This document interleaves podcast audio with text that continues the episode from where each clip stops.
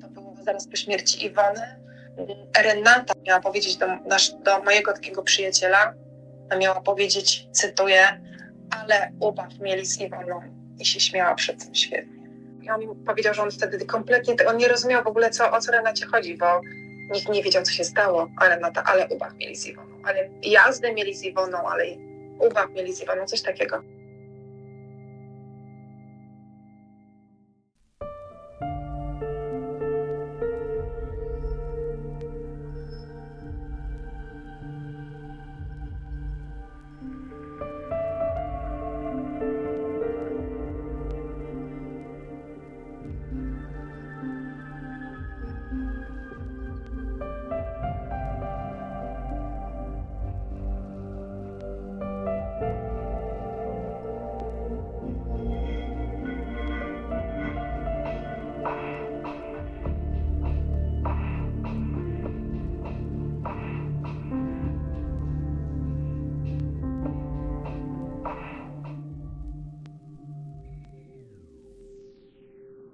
Grudzień 2016 roku.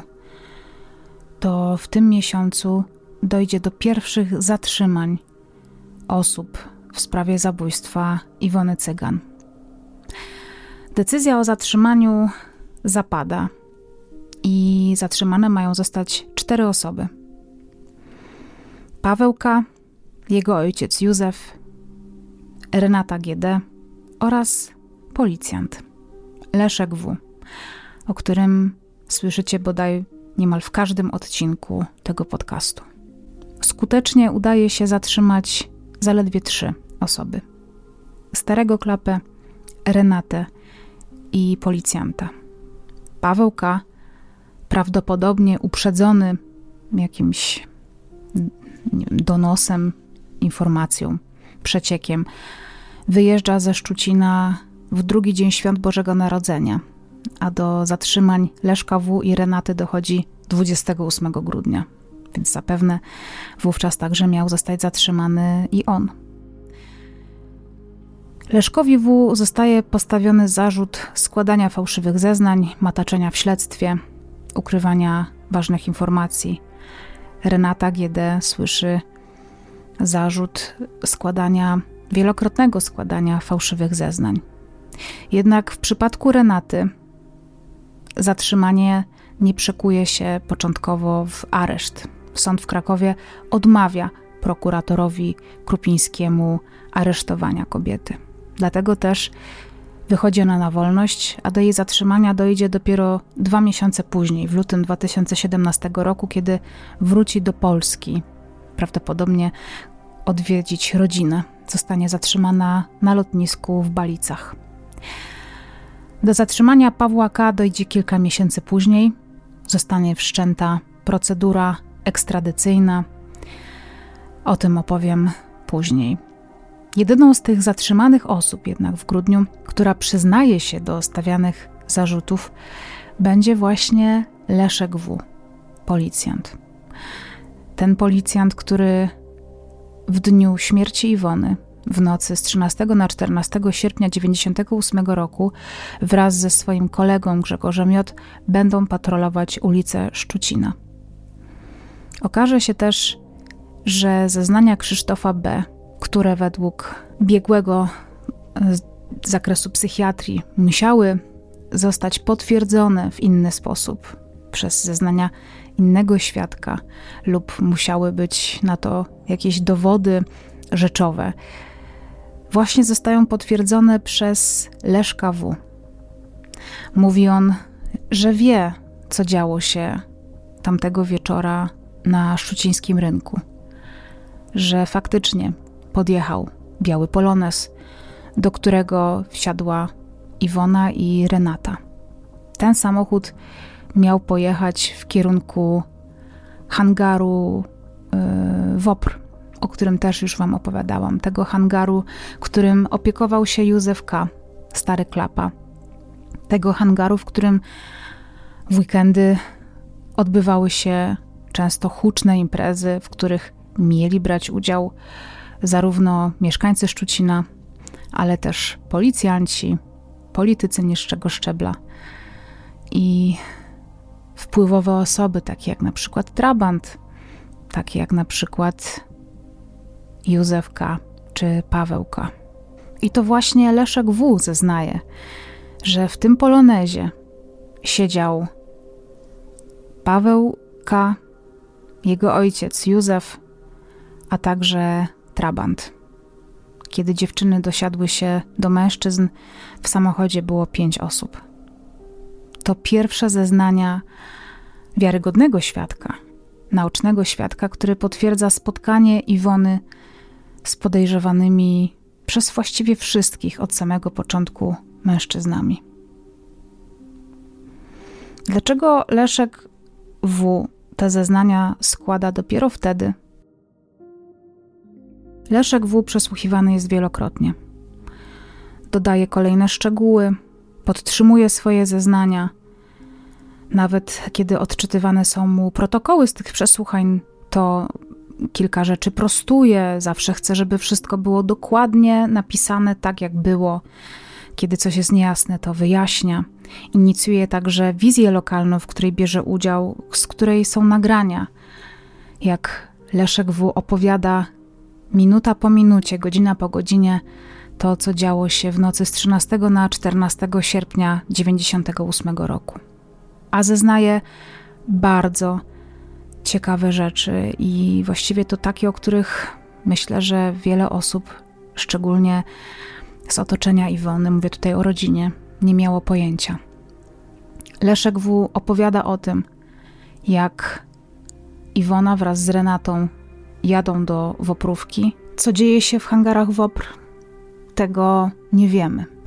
Ale wiemy, co Leszek W. widzi później, a wraz z Grzegorzem J., z którym wówczas patroluje ulicę, ponownie samochód y, młodego Klapy, czyli ten polonez biały, widzą pod barem u Trabanta. Widzą, jak mężczyźni tam przyjeżdżają. Z tego samochodu ma wyjść stary Klapa, młody Klapa, Trabant oraz Renata i Iwona. Po jakimś czasie z tego baru wychodzą, ale Iwona sprawia wrażenie nieprzytomnej. Leszek W. mówi, że Iwona jest ciężko pobita, krwawi, nie potrafi ustać na nogach, pod ręce trzymają trabant i młody klapa. Ponownie wsiadają do białego poloneza, dołącza do nich białe Audi, a tarpan Honker, w którym siedzą policjanci, rusza, tworząc swego rodzaju konwój. Jednak kiedy te trzy samochody podjeżdżają pod szczuciński rynek, to Polones skręca w lewo, jadąc w kierunku Wisły. Natomiast białe Audi w prawo w kierunku Tarnowa. I według zeznań Leszka W. policjanci mają jechać za tym Audi. Ale ciekawe jest to, co Leszek W. mówi o Tadeuszu Drabie. 13 sierpnia zbiera się na burzę. Im później, tym więcej chmur na niebie, tym większy wiatr się zrywa. Większość zeznań mm, jakby potwierdza taką wersję, że do tej burzy ma dojść około 23. Siedzący na rynku Tadeusz Drab wraz z Krzysztofem B., który mieszka gdzieś nieopodal tego rynku, również obawiają się burzy, dlatego też Tadeusz Drab, znany wszystkim e, powszechnie w Szczucinie, ma podejść do tarpana, który stoi, tego policyjnego, który stoi wówczas przy rynku i poprosić Leszka W. oraz Grzegorza J. o to, żeby podrzucili go do domu, bo mieszka w Łęce Szczucińskiej, która jest jednak kilka kilometrów dalej, a on boi się, że nie zdąży dojść przed y, tym, jak burza się zerwie. Mężczyźni zgadzają się. Tadeusz Drab wsiada do ich samochodu, ale nie do kabiny, ale wskakuje na tak zwaną pakę Policjanci Tadeusza Draba wysadzają przy rozjeździe dróg, tam gdzie zaczyna się też droga prowadząca na wał, przy którym parę godzin później znajdzie się ciało Iwony. Tadeusz Drab mieszka kilkaset metrów od miejsca, w którym ciało Iwony zostanie odkryte. O tym, że Tadeusz Drab widział coś tamtej nocy, Leszek W. dowiaduje się kilka dni po zabójstwie Iwony. Mężczyzna ma to powiedzieć policjantowi. Dlatego Leszek W. proponuje Tadeuszowi Drabowi alkohol, bierze go na spytki, ustala, co Tadeusz Drab wie. I to właśnie po tym spotkaniu Drab przez wiele miesięcy milczy na temat tej sprawy. Dopiero po emisji programu 997, która ma miejsce w styczniu 1999 roku, Tadeusz Drab znowu się ośmiela. Ma wówczas wieczorem w knajpie mówić o tym, że niedługo będzie bogaty, ponieważ on doskonale wie, kto zabił Iwonę, cygan. Tadeusz Drab mieszka kilkaset metrów od miejsca, w którym znaleziono zwłoki Iwony. Tadeusz Drab najprawdopodobniej był świadkiem zabójstwa. Z racji tego, że jego dom znajdował się nieopodal miejsca znalezienia zwłok, prawdopodobnego miejsca zbrodni, bo raczej to właśnie tam Iwona spędziła ostatnie minuty swojego życia. Po burzy wychodzi na papierosa. Czasami tak mu się zdarzało. Na wałach widzi światła samochodów. To nie jest codzienny widok. Tych świateł samochodów zresztą jest kilka. Zaintrygowany Tadeusz Drab ma podejść bliżej i zobaczyć, że jeden z tych samochodów to samochód policyjny. Ma zobaczyć oświetlone miejsce, leżącą na ziemi Iwonę i dziejący się wokół niej koszmar. To prawdopodobnie właśnie to Tadeusz Drab opowiada Leszkowi W. kilka dni po zabójstwie dziewczyny. Być może Leszek W. ostrzega go, żeby się nie wychylał, żeby nie mówił zbyt wiele. Ale samochód policyjny, który znajduje się na miejscu zbrodni w momencie, kiedy ta zbrodnia jest popełniana, sprawia, że policja o zabójstwie Iwony, o jej śmierci wie od samego początku. Pytanie może oczywiście też stanowić udział Leszka W., no bo czy można opowiedzieć z taką dokładnością, a z ogromną dokładnością Leszek W. wspomina o tym, co dzieje się z Iwoną. Według jego zeznań, to właśnie tam ma rozpocząć się zabójstwo Iwony. Iwona do baru u Trabanta wchodzi klapami oraz trabantem. Wówczas zresztą za barem stoi yy, żona Trabanta. W samym barze znajduje się około 30 osób, których tożsamość, wbrew temu, co można znaleźć gdzieś w mediach, została ustalona. Początkowo, na co możecie się natknąć, y, zerkając w źródła, które tutaj Wam podaję pod odcinkiem, do ataku na Iwonę dochodzi nie w głównej sali baru, ale w pomieszczeniu, które jest zamknięte. Według zeznań Leszka W. Paweł K. ma chcieć pocałować Iwonę. Ta jednak odrzuca dość y, namolne zaloty mężczyzny i wówczas ma zostać mocno uderzona w tył głowy, upada, zaczyna y, krwawić. Ale nikt dziewczynie nie pomaga. Nawet będący tam na miejscu Józef K., ojciec jej koleżanki, Agaty, przyjaciel jej rodziców. Wręcz przeciwnie, ma złapać wraz z trabantem Iwonę pod ręce i podtrzymywać ją, kiedy Paweł K. wpada w szał i zaczyna ją katować. Skatowaną, pobitą do nieprzytomności, krwawiącą Iwonę mężczyźni po jakimś czasie wyprowadzają z baru u Trabanta, wprowadzają do samochodu. To wszystko z zewnątrz ma obserwować Leszek wuj Grzegorz J. W żaden sposób nie reagują. Za to postanawiają pojechać za tym samochodem ale kiedy dojeżdżają do rynku w Szczucinie, policjanci jadą za innym samochodem, który jedzie w przeciwnym kierunku. Według zeznań Leszka W. to tu urywa się jego ślad i jego, powiedzmy, uczestnictwo czy nadążanie nad tym przebiegiem zabójstwa Iwony. Według ustaleń prokuratora Iwona jedzie z mężczyznami i Renatą, która bardzo możliwe, że zostaje z tego samochodu gdzieś po drodze wypuszczona. Jadą nad wał, gdzie Iwona zostaje finalnie zamordowana. Życie ma odebrać jej rozwścieczony Paweł K.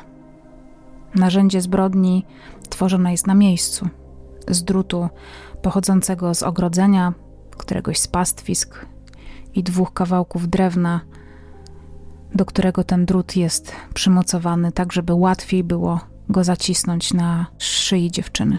W tym samym czasie to wszystko ma obserwować z daleka Tadeusz Drab. Mężczyzna ma powiedzieć Leszkowi W, że widzi tam samochód policyjny. I o tych samochodach policyjnych mówią też inni ludzie, inni świadkowie. Mieszkający też w Łęce Szczucińskiej, niedaleko Wałów, ludzie, którzy wspominają o tym w aktach, że samochody policyjne jeździły po wale przez całą noc. Jedna z kobiet ma mówić o tym, że się nie wyspała, właśnie przez to, że co chwilę policja jeździła tymi wałami. Idący do pracy o 6 rano wałami mieszkaniec Łęki Szczucińskiej widzi w miejscu, w którym leżało później ciało Iwony, kiedy zostało oficjalnie odkryte przez Stanisława Dziodzio. Widzi zarówno Iwonę, jak i stojących nad nią dwóch policjantów. Mężczyzna ten nawet ma powiedzieć, że widzi, jak ciało Iwony się rusza. Czy Iwona wtedy żyła? Tego nie udało się ustalić. Najprawdopodobniej nie, ale być może jej ciało było w jakiś sposób poruszane. Dlaczego człowiek ten, o którym teraz mowa, nie zgłasza tego na policję? Co ma zgłosić? Policja przecież tam jest na miejscu. On nie wie, co się stało. Czy właśnie policja jest w trakcie wykonywania jakiejś czynności? Czy ktoś z nas dzwoni na policję, kiedy widzi gdzieś policję, która jest w trakcie swojej pracy? Skąd mógł wiedzieć, że wówczas oficjalnie nie prowadzone jest żadne śledztwo, żadne czynności ustalające cokolwiek? Wróćmy do Leszka W. Mężczyzna przyznaje się do zarzucanych mu czynów, opowiada wszystko, co wiadomo mu na temat zabójstwa Iwony Cygan. Naturalnym jest również to, że zostaje po chwili zatrzymany jego kolega z tego patrolu, czyli Grzegorz J., który nie przyznaje się absolutnie do niczego, nie pamięta, żeby był pod barem u Trabanta, żeby widział tam Iwonę, która wychodzi zakrwawiona w towarzystwie mm, Klapów oraz y, Roberta K., ale nie wyklucza, że mógł wówczas być w trakcie swojego patrolu na wale w Łęce Szczucińskiej z Leszkiem W. Skruszony Leszek W zostaje skazany, ale z racji tego, że współpracuje ze śledczymi, otrzymuje wyjątkowo łagodny wyrok, ponieważ w zawieszeniu. I kiedy zostaje już prawomocnie skazany, prosi swojego pełnomocnika o to, by skontaktował się z Ireneuszem Wilkiem, reprezentującym rodzinę Cyganów, o to, by poprosił w jego imieniu o wybaczenie. I to wybaczenie rodzina Cyganów Leszkowi W. daje. Co by przecież było z tego, gdyby trzymali do niego urazę, nienawiść? Mężczyzna się przyznał. W tym samym czasie młody Klapa przebywa w Austrii. Żeby doprowadzić go przed y, polskie organa ścigania, musi zostać dokonana ekstradycja i proces o tę ekstradycję toczy się przez kilka miesięcy w wiedeńskim sądzie. Na rozprawę ekstradycyjną jedzie Aneta Kupiec, jadą tam też dziennikarze, w jednym z materiałów, znaczy w sumie to nawet w wielu materiałach Karoliny Tomaszewicz są e, zdjęcia i nagrania z wiedeńskiego sądu. Na rozprawie ekstradycyjnej nie stawia się Sławomir N., który 13 sierpnia 1998 roku ma przyjechać z Pawłem K. do Polski, a właściwie to 14 sierpnia ma przyjechać do Polski, czyli w piątek we wczesnych godzinach porannych, dając mu alibi na, na to, że nie ma go w momencie popełniania zbrodni, bo to jest argument, który y, przez wiele, wiele, wiele lat Paweł K. podaje jako dowód swojej niewinności. To też ten sam człowiek, który, jak opowiadała nam w poprzednim odcinku, czy w poprzednich odcinkach, Aneta Kupiec dzwoni do rodziny Cygan i po kilku, po długim czasie od mm, śmierci Iwony pyta, czy Iwona podejdzie do telefonu i śmieje się do słuchawki. Przez lata rodzina będzie myślała, że to zaprzyjaźniony z nią Sylwek Giza. Sławomir N. jednak na tę rozprawę się nie stawia. Sąd wydaje zgodę na ekstradycję Pawła K. i w maju 2017 roku mężczyzna zostaje przetransportowany do Krakowa i postawiony przed wymiarem sprawiedliwości. Co ważne i myślę, że kluczowe w tej sprawie to to, że podczas rozprawy ekstradycyjnej sąd austriacki z całą stanowczością stwierdził, że ta zgoda na ekstradycję podjęta jest właściwie z głównego powodu. Takiego, że nie ma żadnego dowodu na to, że Pawełka był w Austrii, kiedy Iwona Cygan została zamordowana.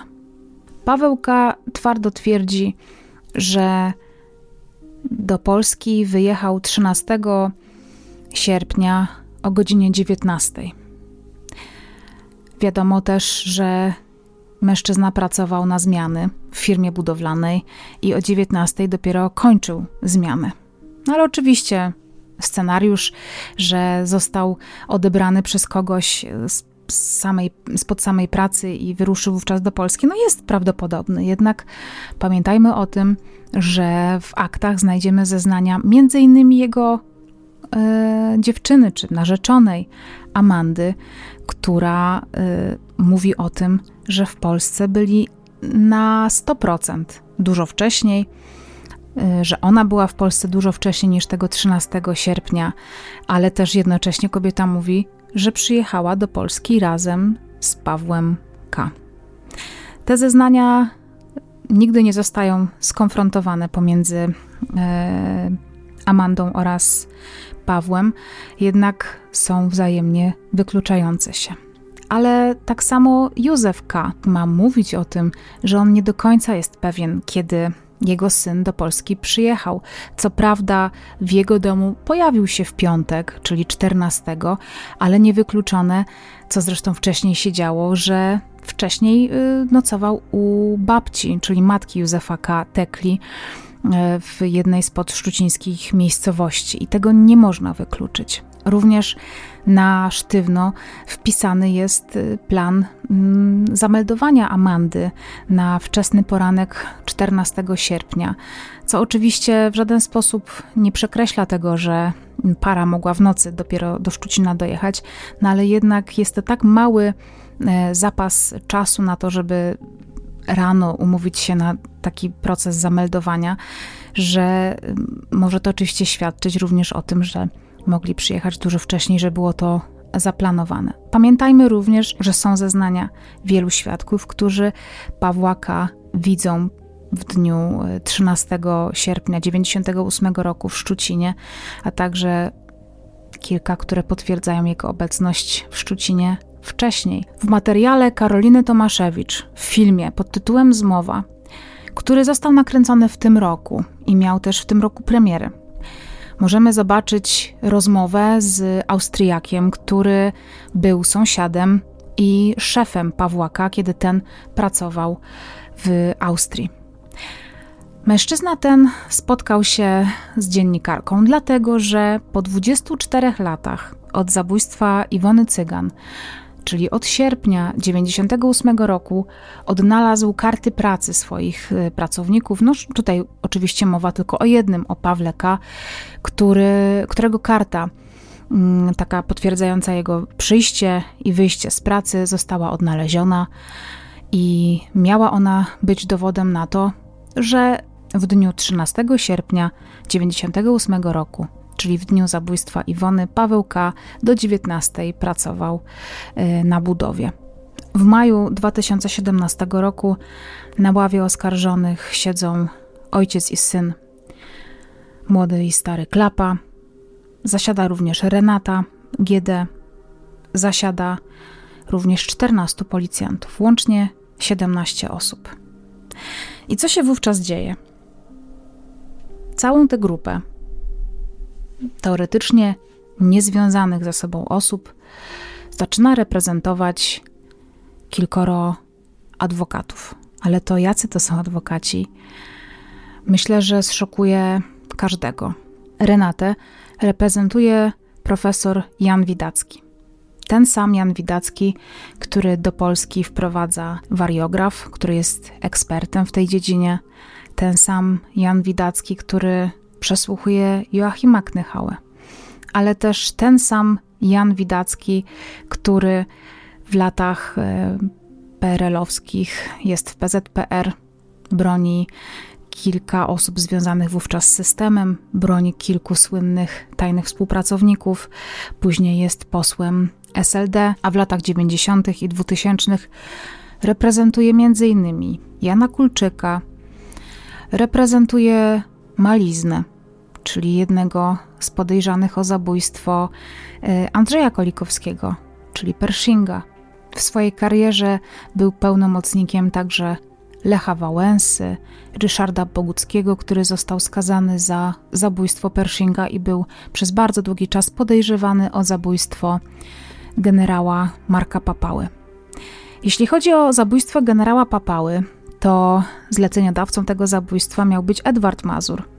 I to właśnie w jego procesie ekstradycyjnym jako jego obrońca występował kolejny obrońca w sprawie o zabójstwo Iwony Cygan, yy, mianowicie Piotr Kruszyński. W procesie o zabójstwo Iwony Cygan reprezentuje Pawłaka, młodego klapę. Wybitne postaci środowiska prawniczego, ale też bardzo znani politycy, a przede wszystkim adwokaci. Kwiat polskiej palestry reprezentuje także Józefaka, starego klapę, ponieważ e, w jego obronę zaangażowany jest Jakub Wende i Tadeusz Wolfowicz. To bardzo znani, szanowani i wybitni adwokaci. Łącznie kilkunastu bardzo dobrych, świetnych adwokatów reprezentuje kilkunastu oskarżonych w tej sprawie. Nie mam pojęcia, czy robią to pro bono. Nie mam pojęcia też, jakie są oczywiście ustalenia finansowe, i tego się nigdy pewnie nie dowiemy. Można jednak z pewnością zauważyć, że są to adwokaci, obrońcy z absolutnie najwyższej półki. I myślę, że marzeniem każdego, kto zostałby kiedyś mm, postawiony przed sądem i musiałby się z czegoś tłumaczyć, to raczej każdy chciałby w swojej drużynie mieć tak znakomitych adwokatów. Pomijając aspekt finansowy, rodzina Iwony Cygan zauważa kolejną ciekawą rzecz, która dzieje się na sali sądowej. To nie jest tak, że oni na swoje, dla swoich tych pracują. Oni po prostu pracują dla układu. Oni sami pokazują to. Mhm. wszystkich. To jest, jest tak widoczne, że to nie jest na zasadzie, że no ten nie ma, no to ktoś przyjedzie, czy po prostu nie, mhm. nie, nie ten, tylko po prostu oni działają tam na zasadzie wspólnoty. Tak, że tam każdy ma inne zarzuty, czy, czy w sensie, no ma inne zarzuty niż stary, czy niż, e, niż ma te zarzuty, nie wiem, tam, e, czy ma jeszcze no przecież to są zupełnie różne zarzuty. To, to jest po prostu dla mnie absurdalne. No. To jest na zasadzie po prostu takiej wspólnoty. Tam każdy e, Oni y, po prostu razem, y, razem wspólnie siedzą, razem wspólnie rozmawiają, razem się trzymają. Taka wspólnota. Hmm. Nie, że bronią siebie, każdy. Ja sobie tak to wyobrażałam, że chyba tak, tak, tak to jest, że każdy po prostu broni swojego klienta. Tam bronią się nawzajem. Wszyscy. Coś że mam upoważnienie do obrony tego. Mm, na tej zasadzie. Atmosfera, która na niej panuje, również jest dość ciekawa. Jest opisywana przez osoby, które na niej siadają, jako hmm, dość swobodna. Dla Anety i dla Małgosi to czasami bardzo trudne znaleźć się na korytarzu pod salą sądową, czekając na wezwanie. Siedzą kilka metrów od oskarżonych, z którymi rozmawiają ich obrońcy, głośno się śmiejąc, żartując, czując się dość swobodnie. Aneta Kupiec wspomina również sytuację, w której pod sąd jeden z adwokatów Renaty ma przyjechać razem ze świadkiem. I pech chce, że Aneta stoi nie pod samym wejściem do sądu, ale kilkadziesiąt metrów dalej. I to właśnie tam adwokat Renaty ma wysadzić świadka z samochodu i potem niezauważenie podjechać pod główne wejście, zaparkować samochód. Jak to jest możliwe, że świadek w sprawie zostaje podwieziony przez jednego z obrońców? Oskarżeni mają się czasami czuć na tyle swobodnie na sali sądowej, że nieprzyjemnie czują się tam również dziennikarze. Jedna z takich historii dotyczy jednego z operatorów, któremu jeden z zasiadających na ławie oskarżonych policjantów miał powiedzieć złowieszcze zdanie: Współczuję Twojej rodzinie. A co się wówczas dzieje z Leszkiem W? Leszek W przyznał się przecież do winy, został skazany, przeprosił rodzinę i otrzymał nawet wybaczenie. Wyobrażam sobie, i to jest akurat moja spekulacja, że może się w tamtym momencie czuć oszukany, może się czuć przegrany. Tylko on się przyznaje do tego, że coś na ten temat wie. I kiedy widzi, kto reprezentuje jego kolegów i jak wiele stracił, przyznając się do winy, postanawia odwołać wszystkie swoje zeznania i powiedzieć, że miał do nich zostać zmuszony przez prokuratora Piotra Krupińskiego, który miał go podtruć czy naćpać w trakcie przesłuchania. Leszek W. mówi o tym otwarcie, oskarżając w ten sposób prokuratora. I co ciekawe, mówi o tym, że konkretne zeznania składał pod wpływem właśnie tych środków odurzających, po których miał zachowywać się jak wariat, jak to sam określa, miał mówić co tylko mu kazano powiedzieć, a pani protokolantka tylko to wszystko zapisywała. Czy to kolejny zwrot akcji w tej sprawie? Niektórzy wierzą w to, co mówi Leszek W. Oczywiście mam tu na myśli to, że został do zeznań zmuszony. Między innymi podchwytuje to po wielu latach, w 2020 roku, Mateusz Baczyński, pisząc głośny reportaż dla Onetu. Mówi tam o tym, że Leszek W. został do zeznań zmuszony, a właściwie to zmanipulowany, że zostały mu podane środki odurzające, oczywiście według zeznań Leszka W. przez prokuratora Krupińskiego. I do tych zeznań miał być zmuszony dlatego, że były one potrzebne, bo to na nich opierał się cały akt oskarżenia i cała wersja e, prokuratora, która do tej pory jest przedmiotem sprawy. Czy znamy jednak odpowiedź na to pytanie, czy Leszek W. faktycznie był mm, podtruwany przez prokuraturę? To gdzieś jest po prostu zapominane cały czas, że pan został skazany i e, prawomocnym wyrokiem e, prosił nas o wybaczenie. E, sam powiedział, że się boi.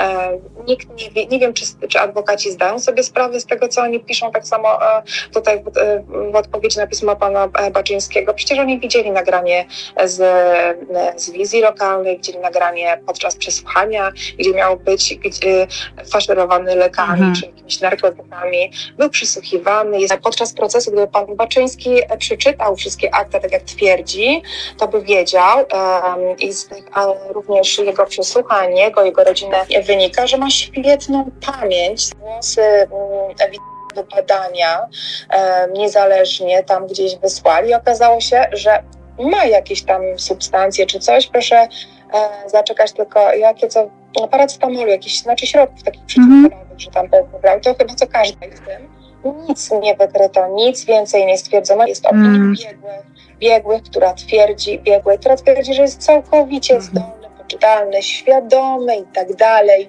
Jego konfabulacja zaczęła się w momencie, kiedy okazało się, że wow, że oni wszyscy mają takich adwokatów i on niepotrzebnie się przyznał, bo jednak mógłby coś ugrać na tym, mm. na tym, na tym procesie. Więc to nie jest prawda, co pan Baczyński mówi. Żadnych, żadnych, żadnych substancji nie stwierdzono. Powiem pani jeszcze, jeszcze jedną rzecz. Pana przysłuchiwał mnie prokurator Krupiński, a on cały czas się opiera, że prokurator Krupiński mu dosypywał kogoś do, do no nie, to jest absurd, mm -hmm.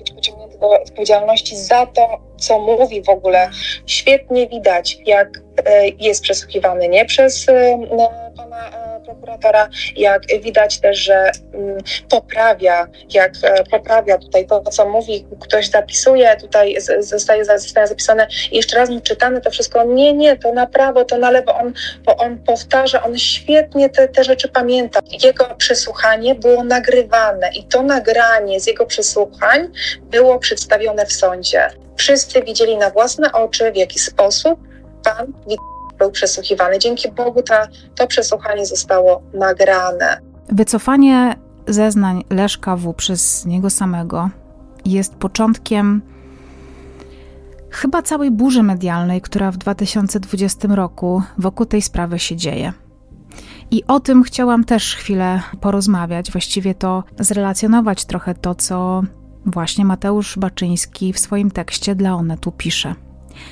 Nie ukrywam, ten tekst bardzo mną poruszył w taki sposób, że yy, on zasiewa bardzo wiele wątpliwości. I faktycznie są tam bardzo konkretne argumenty, są tam bardzo konkretne pytania i są tam bardzo konkretne podstawy, na które dziennikarz się powołuje. Mówi on, że przeczytał kilkadziesiąt tomów akt Chcę zaznaczyć, że do akt właściwie nikt nie ma dostępu poza prokuraturą oraz stronami w tym procesie. Wiadomo jednak, że na pewno tych akt nie otrzymał jako dziennikarz, ponieważ nikomu z dziennikarzy takie akta w trakcie procesu nie są udostępniane z prostej przyczyny. Proces, co prawda, jest y, uznany za proces jawny, jednak media oraz obie ze stron są objęte zakazem relacjonowania tego procesu w mediach, co w praktyce oznacza, że proces jest utajniony. No bo co można o nim powiedzieć, jeśli nie można powiedzieć nic? Jako, że dziennikarze śledczy, w ogóle dziennikarze mają swoje źródła, to oczywiście absolutnie mm, wierzę tutaj e, Mateuszowi Baczyńskiemu, że takie akta otrzymał. Wiadomo jednak na pewno, że nie otrzymał ich ani od prokuratury, ani od rodziny Iwony. Pytanie pozostaje otwarte: skąd do tych akt miał dostęp? Do tego warto zadać sobie pytanie, do ilu tomów akt dziennikarz ten dostęp miał. Wiadomo, że są dwa rodzaje akt: te, które są jawne, i te, które zawierają zeznania świadków incognito. I do tych akt dostęp ma bardzo ograniczona liczba osób, a do tego wszystkiego każda z tych osób musi osobiście te akta przeglądać pod nadzorem pracownika sądu w specjalnie do tego przeznaczonym pomieszczeniu, takim magazynie, nie wiem jak powiedzieć, archiwum. Akta świadków incognito są też oczywiście utajnione. e, zanonimizowane, ponieważ wielu świadków zdecydowało się na zeznawanie w tej sprawie tylko i wyłącznie pod warunkiem, że będą całkowicie anonimowi. A żeby taką anonimowość w tak małej grupie, jaką jest y, Szczucin, mieszkańcy Szczucina, czy na przykład y, konkretne grupy zawodowe, policjantów, y, pracowników przykład prokuratury w Dąbrowie Tarnowskiej, komendy w Dąbrowie Tarnowskiej, komisariatu w Szczucinie, mieszkańcy Szczucina. To wszystko są osoby, które boją się zeznawać, dlatego że sprzeciwiają się albo zeznają na niekorzyść oskarżonych, mm, którzy jednak e, mieli mieć dość duże wpływy według oczywiście mm, ustaleń prokuratury krajowej. Rozmawiałam zarówno z Anetą Kupiec, jak i z Małgorzatą Serafin, ale swoją mm, przygodę to jest bardzo niefortunne słowo z tą sprawą zaczęłam przede wszystkim od rozmowy z Karoliną Tomaszewicz, co później doprowadziło mnie też do rozmowy z Moniką Górą, autorką książki Miasteczko zbrodni Dlaczego zginęła Iwona Cygan. Wszystkie z tych osób twierdzą zgodnie. Nie ma takiej możliwości, że ktoś, kto zapoznałby się ze wszystkimi aktami, mógłby wyciągnąć z nich taki wniosek, i takie wnioski, jakie wyciągnięto w tekście dla Onetu. Oczywiście szczegóły mm, tej potyczki na argumenty, na wiedzę można przede wszystkim prześledzić sobie, po pierwsze czytając ten tekst y, Baczyńskiego, później czytając odpowiedź, bardzo emocjonalną zresztą odpowiedź ojca Iwony Cygan oraz Anety Kupiec, a później odpowiedź do tej odpowiedzi, odpowiedź właściwie już na zarzuty rodziny jednak chciałabym pokrótce to omówić, bo być może mam trochę taki stosunek bardziej chłodny czy bardziej obiektywny. Co ciekawe, Małgorzata Serafin, siostra Iwony, zwraca szczególną uwagę na to, w jaki sposób ten tekst e, jest budowany. Te słowa, które on tam e, tak jakby wypowiedział, to były też słowa, które często padały w ogóle na sali sądowej, ich stwierdzenia, ich podteksty, ich, wiesz, insynuacje wszystkie słowa, które w ogóle padły w tym, to one padły też na sali sądowej z ust yy, obrońców. Tych takie, wiesz, nawet jak myśmy byli przesłuchiwani, to oni zadawali nam te pytania, które potem były stwierdzeniami w tym artykule. Przyznam szczerze, że chyba najbardziej bałam się tego wątku w sprawie Iwony, ponieważ po pierwsze nie posiadam wiedzy na temat tej sprawy. Prowadzę podcast kryminalny, nie mam nawet legitymacji dziennikarskiej, a nawet gdybym ją miała, to i tak nie miałabym dostępu do akt. Więc nie wiem, co w tych aktach jest. Mogę tylko polegać na słowach osób, które te akta widziały. Specjalistką w tej kwestii jest na pewno Aneta Kupiec, która te akta wielokrotnie przeczytała. Dlatego też, jeżeli ktoś oczekuje ode mnie, że powiem, co ja sądzę o tym tekście, i co sądzę o tych argumentach, które tam padają, to oczywiście mogę wyrazić swoją osobistą opinię i podzielę się z Wami taką analizą trochę później, ale jest jedna rzecz i kwestia, do której się chcę odnieść. Czytałam na temat tego tekstu mnóstwo różnych komentarzy w sieci, nawet zajrzałam na wykop, na który nigdy nie zaglądam. Przeglądałam materiały na YouTubie, które były takim postscriptum do tego tekstu. I bardzo często w komentarzach padały takie mm, zarzuty względem dziennikarzy Onetu, że ten tekst pisany jest zgodnie z linią obrony. Potem widziałam dużo komentarzy, które były wręcz oburzone takimi zarzutami.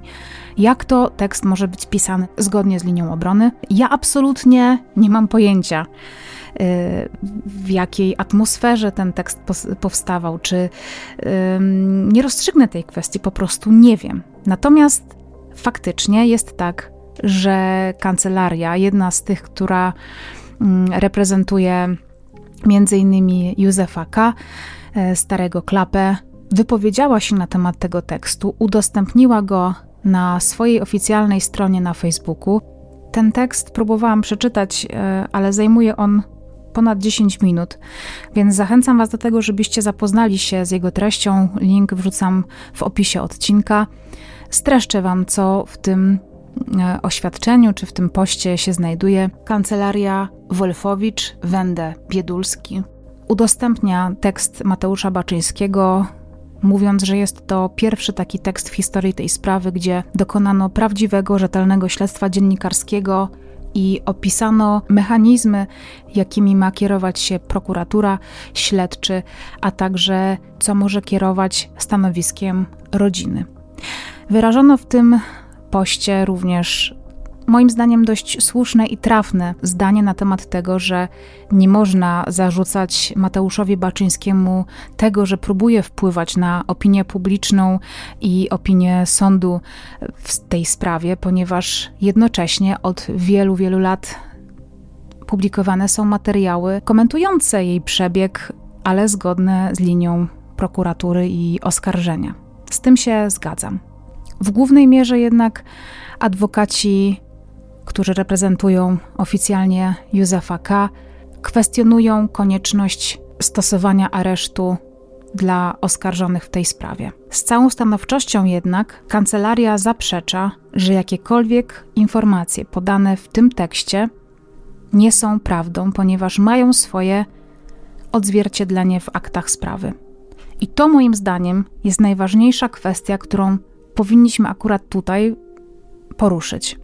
To, co jednak jest bardzo istotne w moim przekonaniu, to to, że po moich wielogodzinnych i licznych rozmowach z osobami, które tę sprawę od lat badają, które znają ją zarówno z rozpraw w sądzie, ponieważ zarówno Karolina Tomaszewicz, Monika Góra, z którą rozmawiałam, Małgorzata Serafin czy Aneta Kupiec były wielokrotnie na sali sądowej i wszystkie te osoby, jak jeden mąż, powtarzają, że sprawa ta jest tak skomplikowana i jest tam tak wiele wątpliwości, zawirowań, tak wiele zeznań, które przeczą sobie nawzajem, że każdy, gdyby wyciągnął z kontekstu poszczególne zeznania, mógłby ułożyć zupełnie odrębną, nową wersję wydarzeń. Dlatego też mam pewnego rodzaju poczucie, że pracując na domyślam się, że jednak wybrakowanej części akt, ponieważ udało mi się dowiedzieć, że tych akt jawnych jest około 150 tomów. Sam Baczyński w tekście mówi o kilkudziesięciu. Oczywiście są akta, w których są zeznania niezbyt istotne dla sprawy, ale to czasami w tych szczegółach kryje się sedno. I bardzo możliwe, że kiedy otrzymuje się dość wybrakowany zestaw um, informacji, można z każdej historii na dobrą sprawę zrobić kilka zupełnie różnych, alternatywnych scenariuszy. Co jednak dla mnie bardzo ważne w tym poście kancelarii WWB adwokaci, to to, co powiedziane jest na temat y, manipulacji i wniosków wyciągniętych na podstawie plotek. W samym tekście Mateusza Baczyńskiego jest kwestia, która chyba wstrząsnęła mną najbardziej. I jest to kwestia rzekomego romansu Iwony Cygan ze starszym od siebie żonatym policjantem, który w tym tekście nazwany jest Piotrem. Ten człowiek był jedną z niewielu osób w policji wówczas, która była skonfliktowana mm, z osobami, które dzisiaj zasiadają na ławie oskarżonych. I to właśnie on został w tekście Mateusza Baczyńskiego postawiony w roli rzekomego kochanka Iwony Cygan. Jakie są na to dowody? Nikt z przyjaciół, z bliskich Iwony o takim romansie nie wiedział. Ale to nie świadczy o tym, że takiego romansu oczywiście nie było. Tego romansu również stanowczo wypierał się policjant, ten nazwijmy go Piotr.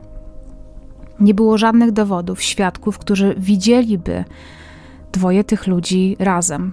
Jedyna osoba, która miała potwierdzać istnienie takiego romansu, to Robert Cygan, kuzyn Iwony, który na pewnym etapie tego śledztwa nawet brany był jako potencjalny sprawca zabójstwa kuzynki. Ale kiedy wczytamy się w zeznania, nawet podane w tekście Onetu, to widzimy, że Robert mówi o tym, że miał słyszeć taką plotkę o Iwonie. Czy w takim razie można takie zeznania potraktować jako świadectwo, czy jako przekazanie plotki? Kolejny wniosek, jaki jest w tym tekście wyciągnięty, warto też wszystkim, którzy jeszcze go nie czytali, przede wszystkim polecić Wam przeczytanie tego tekstu, żebyście wiedzieli, o czym mówię. W każdym razie tekst ten jest pisany w oparciu o akta oraz o informacje wyciągnięte i zdobyte dzięki informatorowi, dziennikarza, którym ma być jeden ze śledczych y, z komendy w Krakowie, która zajmowała się tym śledztwem. I właśnie ten śledczy ma mówić o takiej sytuacji, ma, ma, w taki sposób interpretować pewną sytuację, która miała miejsce. Mianowicie Iwona Cygan przez pewien czas swojej edukacji, omówiłam to chyba w pierwszym odcinku, tymczasowo pomieszkiwała w internacie w miesiącach takich zimowo-jesiennych, kiedy dojazd do szkoły e, i potem e, ze szkoły do domu zajmował jej po prostu za dużo czasu. Chciała go poświęcić na naukę. Mieszkała wówczas w internacie e, w pokoju ze swoją koleżanką Magdą, z którą no, nawiązała jakąś tam znajomość, przyjaźniły się. W tekście jest opisana sytuacja, w której Iwona ma od Magdy, która robi sobie test ciążowy, ten test chcieć pożyczyć.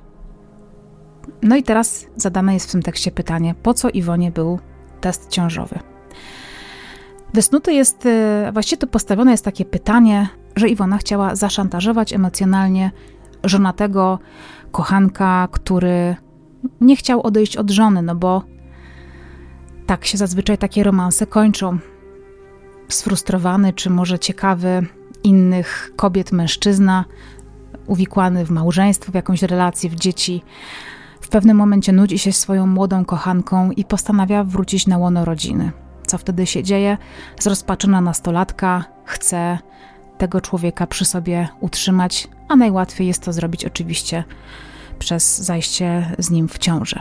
I to właśnie tym pożyczonym od koleżanki w internacie testem Iwona miała rzekomo zaszantażować swojego rzekomego kochanka. Problem jednak w tym, że ten test był negatywny. Jak więc można zaszantażować kogoś negatywnym testem ciążowym? I tutaj między dziennikarzem a jego informatorem wywiązuje się taka dyskusja, czy pan wie, jaki kolor ma test pozytywny, a jaki ma negatywny. Dziennikarz ma stwierdzić, no nie.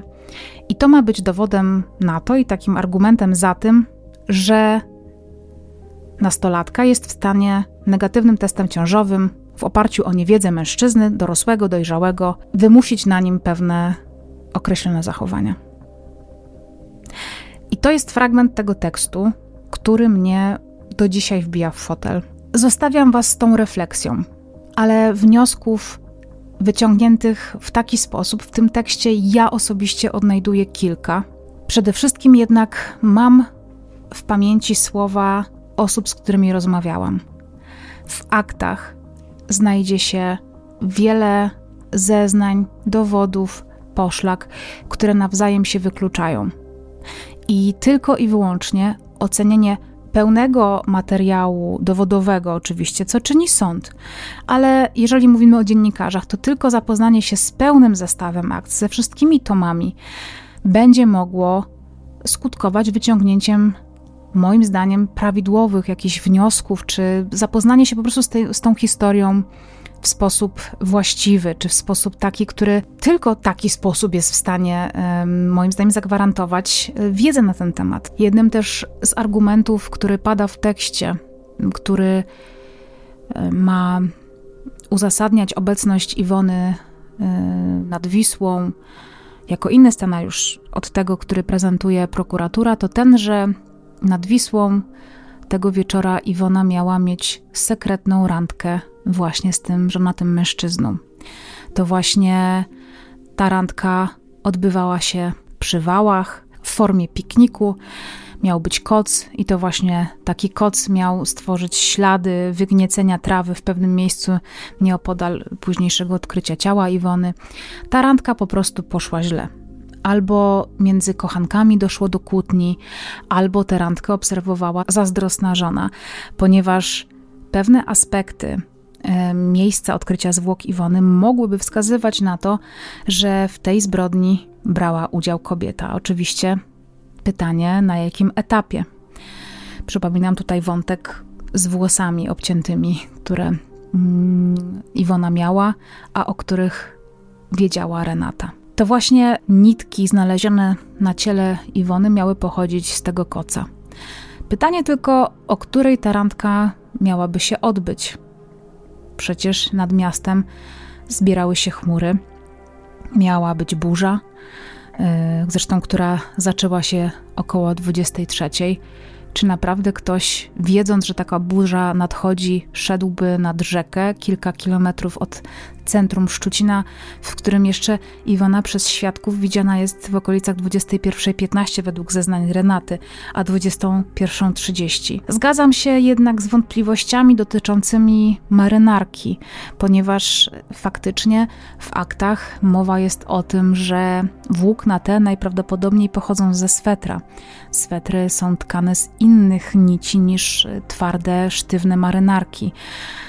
E, więc może faktycznie marynarka i interpretacja tego, że nici miały pochodzić z marynarki, którą na drugi dzień młody Klapa miał mieć e, ubraną na weselu, przemawia do mnie jako argument. No, któż zabijałby kogoś w marynarce, którą ma elegancką, wyprasowaną i czystą mieć na drugi dzień na weselu, tym bardziej, że leje deszcz. Więc do mnie argument z nicią przemawia ale nie przemawia do mnie absolutnie argument z piknikiem. Tym bardziej, że nie ma absolutnie żadnych dowodów na to, że Iwona w ogóle miała kochanka. Nawet zeznania Renaty zaprzeczają temu, że Iwona była zainteresowana mężczyznami. Zeznania Anety, która przecież ze swoją siostrą wychodzi jako zapewnienie jej bezpieczeństwa. Co prawda, dziewczyny się zazwyczaj rozdzielają. Aneta idzie ze swoim chłopakiem, ze swoimi znajomymi, e, natomiast Iwona zazwyczaj spotyka się z Renatą. Jednak ta twierdzi e, przez wiele, wiele lat, że Iwona żadnego chłopaka nie miała. Gdyby go miała, to Renata na pewno by o tym wiedziała.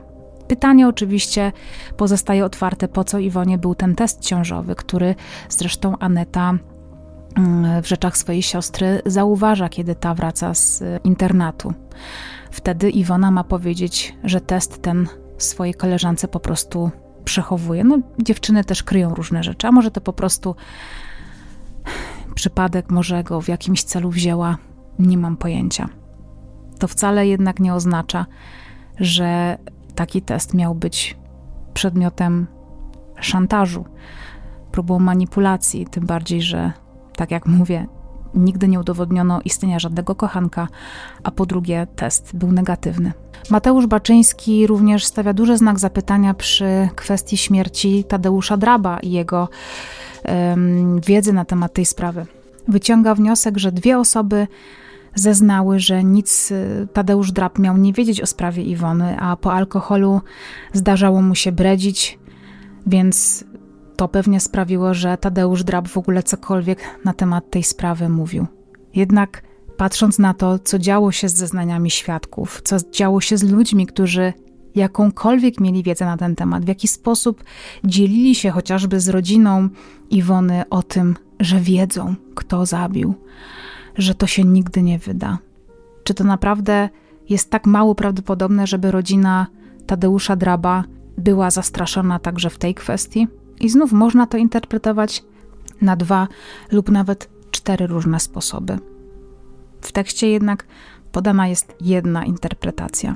Jednak kwestią, która mnie w tym tekście najbardziej dotknęła, poruszyła i właściwie mną wstrząsnęła, to kwestia badania, które zostało wykonane podczas sekcji zwłok, badania ginekologicznego i odkrycia że Iwona w chwili śmierci nie była dziewicą, ale nie została zgwałcona na miejscu e, zbrodni. To znaczy, nie było świeżego urazu narządów rodnych, które jakby wskazywałoby na to, więc do tego, do tej defloracji, pozbawienia cnoty miałoby dojść e, jakiś czas wcześniej. Iwona w chwili śmierci miała 17 lat. Była atrakcyjną dziewczyną. Była dziewczyną, która cieszyła się życiem. Z tego co wiem, a żyję trochę w tym kraju, wiem, że uprawianie seksu nie jest karalne, oczywiście od pewnego wieku. Nie potrafię zrozumieć, dlaczego w tekście wątek tego, że Iwona nie była dziewicą, interpretowany jest na jej niekorzyść. Stawia ją w złym świetle jako osobę, która miała tajemnicę przed swoją rodziną i bliskimi, która miała romans z żonatym mężczyzną, która miała wiele tajemnic. Załóżmy, Iwona faktycznie w jakiś sposób idzie z kimś do łóżka. Nie wiadomo, czy robi to podczas imprezy, czy może dzieje się to z chłopakiem, z którym spotykała się jakiś czas wcześniej, przez dłuższą chwilę, z którym zresztą zrywa.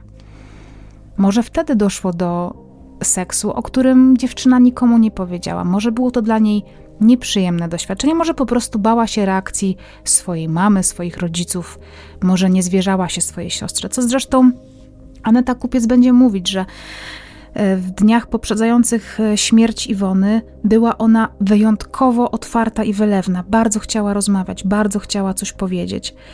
Mniemam więc, że na co dzień Iwona nie była taką osobą, była bardzo żywą, pogodną, często się ruszającą, kochającą właśnie ruch, akcje, zadania, działanie, ale być może nie była zbyt taką otwartą osobą, która dzieliła się swoimi przeżyciami, przemyśleniami. I taki wniosek wysnuwam z rozmów z Anetą, czy Małgosią, czy w ogóle osobami, które z Iwoną miały do czynienia.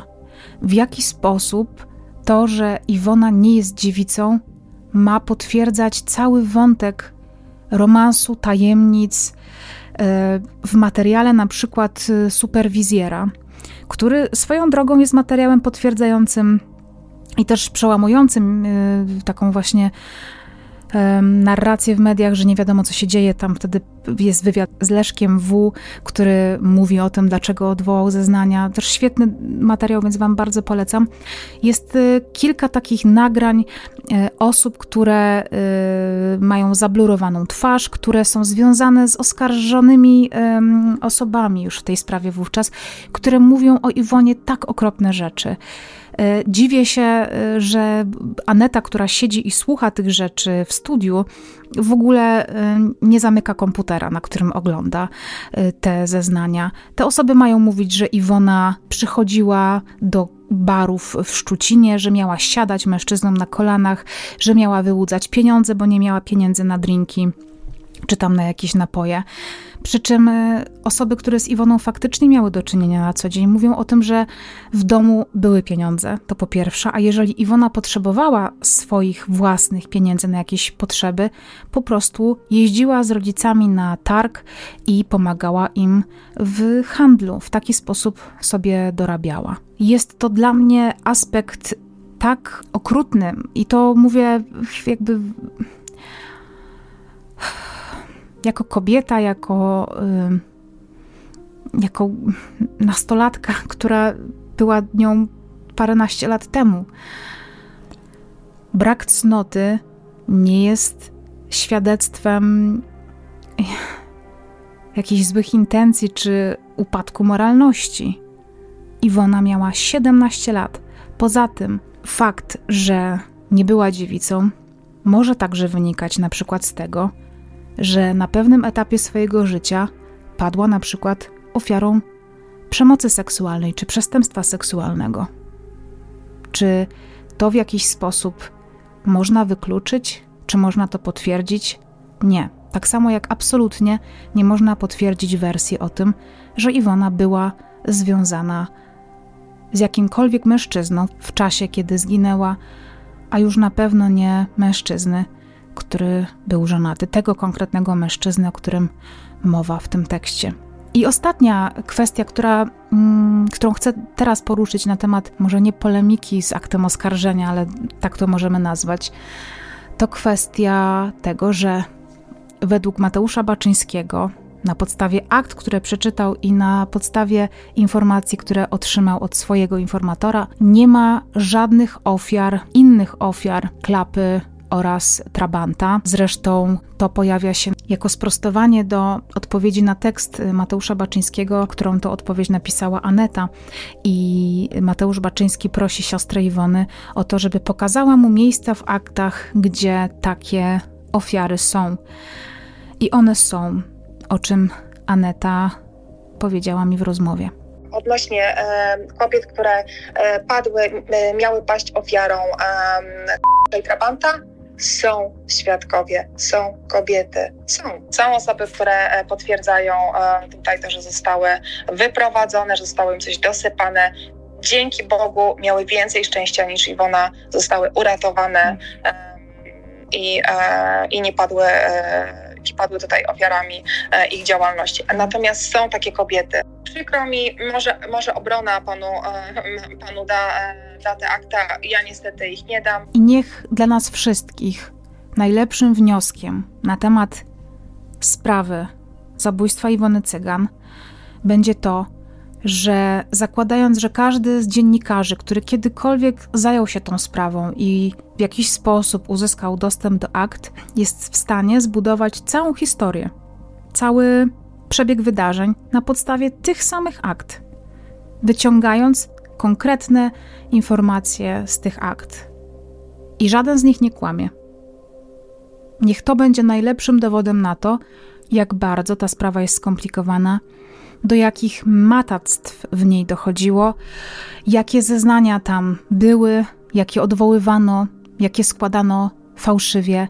Naprawdę, nawet rodzina i podejrzewam, że nawet yy, śledczy no nie mogą mieć stuprocentowej pewności, które z tych zeznań są prawdziwe czy nie. Warto jest przede wszystkim zaznaczyć jednak to, że domeną chyba dobrego śledczego jest otwarcie na fakty, otwarcie na różne możliwości. I z jednej strony Mateusz Baczyński zarzuca to, że Piotr Krupiński, prokurator, skupił się absolutnie na jednej e, hipotezie. E, podobnie jak zresztą Bogdan Michalec, w, w stronę którego w tym tekście rzucane są bardzo konkretne zarzuty. Oczywiście, nie będę teraz wchodzić w to, czy one są słuszne, czy nie. Zgadzam się z tym, że pewne kwestie budzą wątpliwości, ale zarzut, który Mateusz Baczyński w tym tekście stawia prokuratorowi Krupińskiemu, jest dokładnie w moim odczuciu i nie tylko moim takim zarzutem, który można postawić w stronę właśnie tego tekstu. I to wrażenie potwierdziły później słowa Anety Kupiec, która opowiada o swoim spotkaniu z Mateuszem Baczyńskim, kiedy chciał, kiedy był w trakcie pisania tego reportażu, tego tekstu i chciał z nią porozmawiać to nie jest dziennikarz, który może mieć wątpliwości, który gdzieś tam doszukał się czegoś innego, może, może coś tam, z kim on rozmawiał, ile razy był w Szczucinie, tak? Dziennikarze, którzy się, którzy się zajmują sprawą Iwony, zajmują się latami, pani Karolina, Monika, tak. czy inni tutaj, oni, tak, tutaj z Gazety Krakowskiej, których pamiętam z 99 roku, te teksty, które pisali, to są dziennikarze, którzy, którzy śledzą, którzy czytają, którzy chodzą, pytają i tak dalej, którzy przyjeżdżają do Szczucina. A on przychodzi do mnie i on mi mówi, podczas pierwszej rozmowy ze mną, mi mówi, że Renata jest e, ofiarą, że policjanci są ofiarą, że to zazdrosny chłopak przyprowadził Iwonę, zawał i po prostu, no, no, no.